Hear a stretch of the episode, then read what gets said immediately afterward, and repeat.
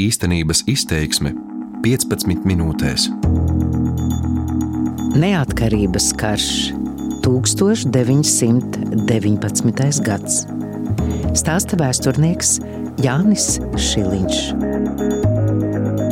Pirms simts gadiem, 1919. gada 11. novembrī, Latvijas armija izcīnīja spožāko un asiņaināko uzvaru savā vēsturē, atbrīvojot Pārdaugavu un padzenot Pāvela Bermonta komandēto Vācu un Krievu armiju no Rīgas.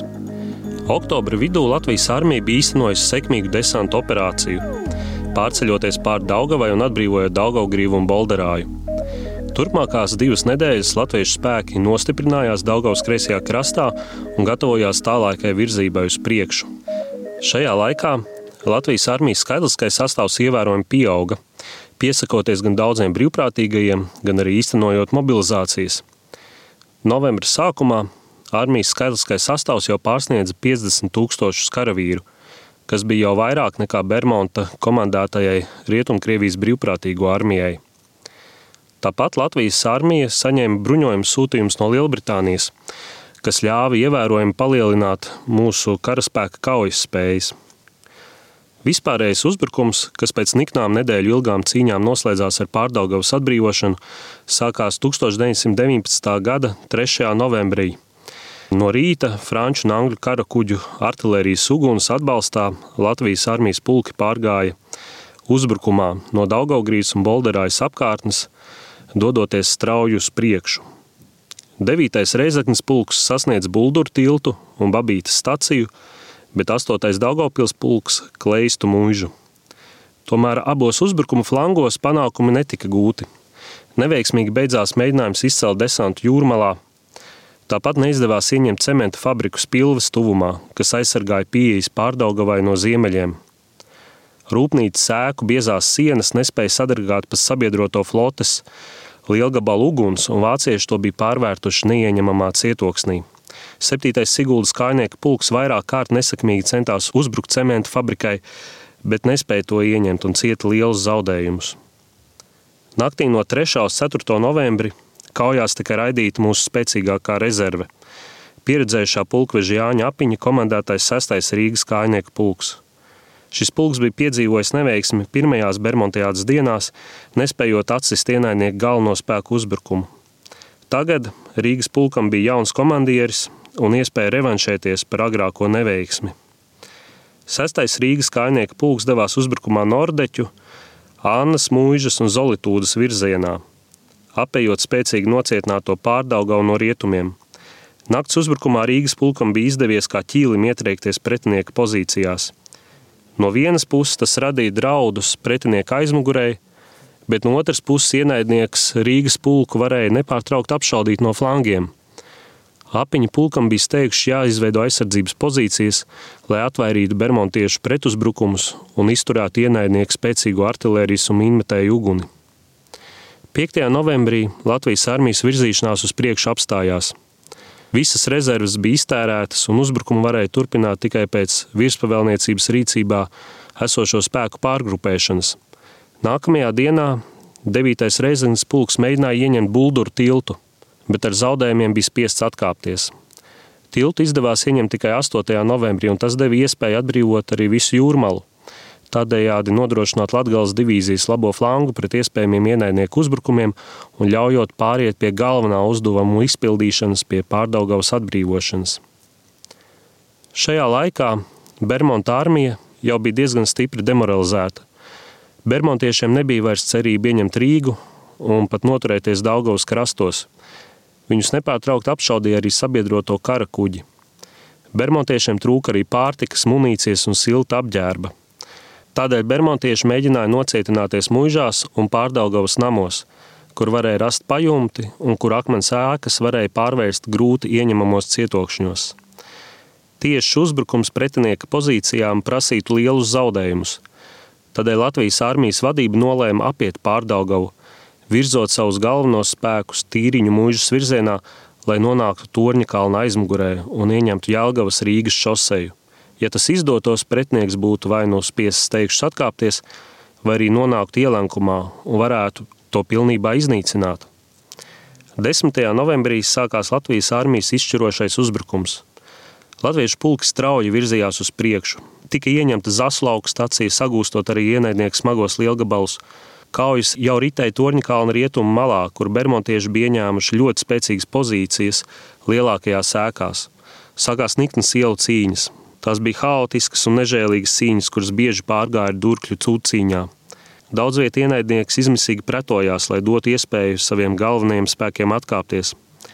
Latvijas armijas virspavēlnieks štāba priekšnieks Pēters Radzīņš vēlāk rakstīja, ka citēji Torņkalnā palikošie bermontieši cīnījās līdz beidzamam.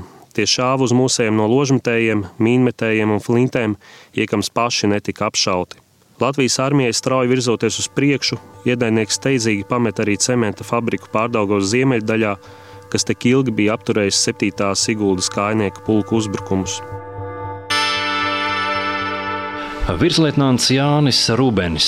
Šoreiz ienaidnieks ļāva 4. rotai izvirzīties uz klajumu apmēram 500 metru cementa fabrikas priekšā, neizšaujot nevienu šāvienu. Ienaidnieka klusēšana tik stipri nomāca uzbrucēju garstāvoklī, ka ceturtā rota, kas bija izvērsta ķēdē ar apmēram viena soļa atstarpiem, palika uz vietas lauka vidū un nebija dabūjama uz priekšu.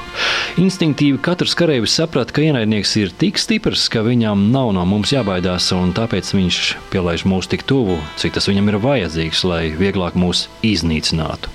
To redzot, rotas komandieris virslietnants Birzulis sakārtoja rotu pa vadiem trīs līnijās, lai vieglāk būtu vada komandieriem pārvaldīt, un tad turpinājām uzbrukumu.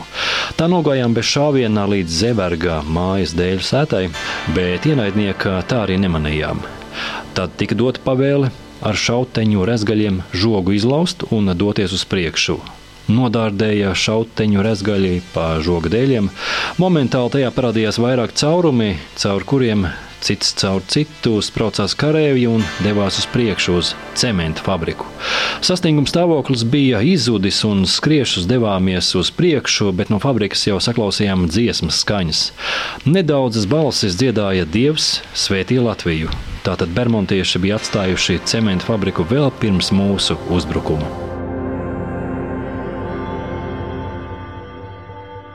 Latvijas armijas vienību ielaušanās Pārdaugavā un tuvošanās Torņkalnam no dienvidu rietumiem apdraudēja ienaidnieku atkāpšanās ceļu. Šķita, ka pretinieka ielenkšana un iznīcināšana ir neizbēgama. Pēters Radziņš rakstīja, citēja, gods kam gods ir jāatzīst, ka vācu zaldāti ir īsti kareivi, jo grūtākos apstākļos tie atrodas, jo sīvāk tie cīnās. Un Torņkalnā, kad atkāpšanās ceļš tiem bija nogriezts, viņi cīnījās līdz pēdējiem. 11. novembra rītā uz Toņkalna ielām bija redzams vesels izšautu patronu kaudzes tanīs vietās, kur bija atradušies ložamtēji. Blakus šīm patronu kaudzēm gulēja kritušie ienaidnieki ložamtējnieki.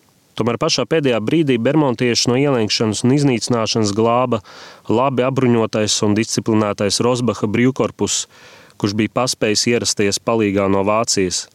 Šīs vienības iesaistīšanās kaujās Toņkalna apkārtnē glāba Bermontiešus no pilnīgas sagrāves un ļāva Vācu dzelzceļa divīzijai atkāpties Jālgavas virzienā. Virslietnants Jānis Rubens. Sētās un šķērseliņās vēl šur tur bija manāmi bermontieši, bet tas uz ilgu laiku mūs nevarēja aizkavēt. Drīz vien pa Daugaugrīvas ielu tika atklāta ložmetēja uguns, kas stipri apgrūtināja mūsu virzīšanos un izrādījās, ka uz Kalnciema un Daugaugrīvas ielas stūra kāds liels nams ir stipri ieņemts no vāciešiem un kādi četri ložmetēji veda uguni uz visām pusēm. Iesākām šā rajona apiešanu pa šķērsieliņām. Leitnants Šarfs nama apšaudīja no mīnmetēja, Beidzot, arī ēka tika ieņemta, tika saņemti arī daži ložmetēji, zirgi, bet vācu rotai tomēr bija izdevies caur sētām no minētā nāma izkļūt uz lielo lēģeru ielu. Noiedams līdz pareizticīgo baznīcai, atradu uz ielas pamestus četrus smagos ložmetējus, ko vācieši nebija paspējuši līdzi paķert. Pie baznīcas blakus ložmetējiem un čaulīšu čupiņai gulēja arī asiņainu galvu vācu kareivja līķis. Turpat netāļu mētājās uz ielas divi velosipēdi. Tālāk 7. pulks devās uz Toņkalnu staciju, bet arī tur vairs vāciešus nesastapa. Kaujas ar vāciešiem pārdaugavā turpinājās visu nakti. Studentu bataljona un karaskolas izlūka 10. un 11. novembra naktī vairāk kārt tika sūtīti izlūkot pāri tiltiem no Daugavas labā krasta, lai noskaidrotu, vai pretinieks vēl nav atkāpies. Tikai pulksten septiņos, austot saulē, Latvijas armijas karaskolas karavīri varēja netraucēti pāriet pāri tiltiem, kas nozīmē, ka ienaidnieks beidzot ir pārtraucis savu pretestību un atkāpies. Līdz pusdienlaikam turpinājās Torņakalna tīrīšana no ienaidnieka karavīriem, gūstekņu un pretinieka pamesto trofeju savākšana, kā arī ievainoto nogādāšanu uz aizmuguri.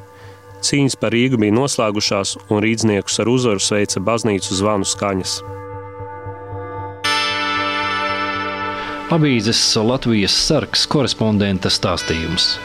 Pētertonis sagāzies uz Daugaus pusi, skan un zvāna svētīdams šo dienu, kas Latviju tautu izglāba no ģermānisma mēra. Ejot tālāk ar sašauto ložmetēja zobu, izlausto sienu grēdu, Laukumā parādās Rīgas pilsēta. Siena uz Daugos pusi ir saspārdīta, bet sarkanbalts-sarkanais karoks sašauts un izrobots stalts plandās vējā. Viņa brīvie plandieni tik pilni dzīvības, ka neviļus ceļ gājēji un vērotāji galvu augšup un rau, visa Rīga laistās sarkanbalts-sarkana.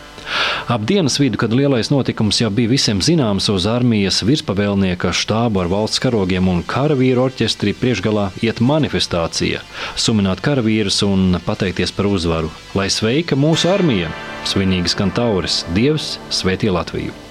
Sajūsma, kas vakarīt bija lasāma katrā latvieša acīs, bija izvīlusi uz ielas arī sirmo barontēvu.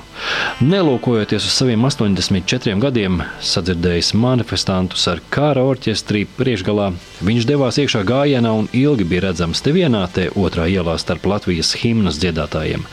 Kad viņš atpūtās netālu no katedrāles uz sola, Es viņam klāt piegāju, un ilgāku laiku viņš nevarēja beigt priecāties par Latvijas uzvaru. Barontēvs kustējās un žestikulēja kā jauneklis, un kaut gan arī viņa dzīvoklim izbiruši visi logi un mājās valdot augstums un posts, bet tas viņu nemaz neapbēdināja. 11. novembra uzvara bija lielākais Latvijas armijas panākums neatkarības karā. Tā bija gūta ļoti grūtos apstākļos ziemā, ar nepietiekošu artērijas atbalstu un cīnoties nežēlīgās ielu kaujās.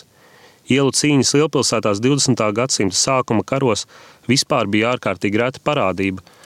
Latvijas armijai tas bija liels izaicinājums. Kaujas pārdaugavā bija prasījušas arī liels zaudējumus, simtiem kritušo un vēl vairāk ievainoto.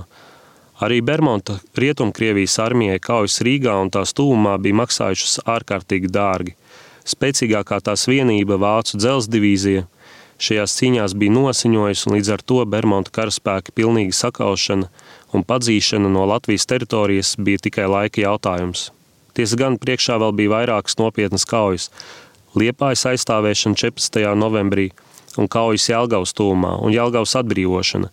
Tomēr šīs cīņas vairs nevarēja radikāli mainīt kauju kopējo gaitu. Simboliski, ka cīņas, kurās gluži vai tiešā veidā tika materializēts Andreja Pumpura eposa kulminācijas notikums, izšķirošā cīņa ar vācu melno bruņinieku Daugavas krastos, sākās ar Latvijas armijas bruņumašīnas lāčplēses iznīcināšanu jau pirmajā kauju dienā. Šīs cīņas beidzās ar spožu uzvaru, atzīmējot Torņkalna atbrīvošanas gada dienu 1920. gada 11. novembrī svinīgā ceremonijā militārās parādas laikā – tika pasniegti pirmie 288 Latvijas kara ordeņi. Tieši pieminot uzvaru pie Rīgas, tika nodibināts augstākais Latvijas valsts militārais apbalvojums. Turpmākos astoņus gadus katrā 11. novembrī neatkarības kara varoņiem tika pasniegts šis ordenis. Līdz ar to 11. novembris kļuva par Latvijas armijas svētku dienu un ieguva Latvijas dienas nosaukumu. Par notikumiem pirms simts gadiem un par pārdaugos atbrīvošanu stāstīju es Jānis Šiliņš. Īstenības izteiksme 15 minūtēs.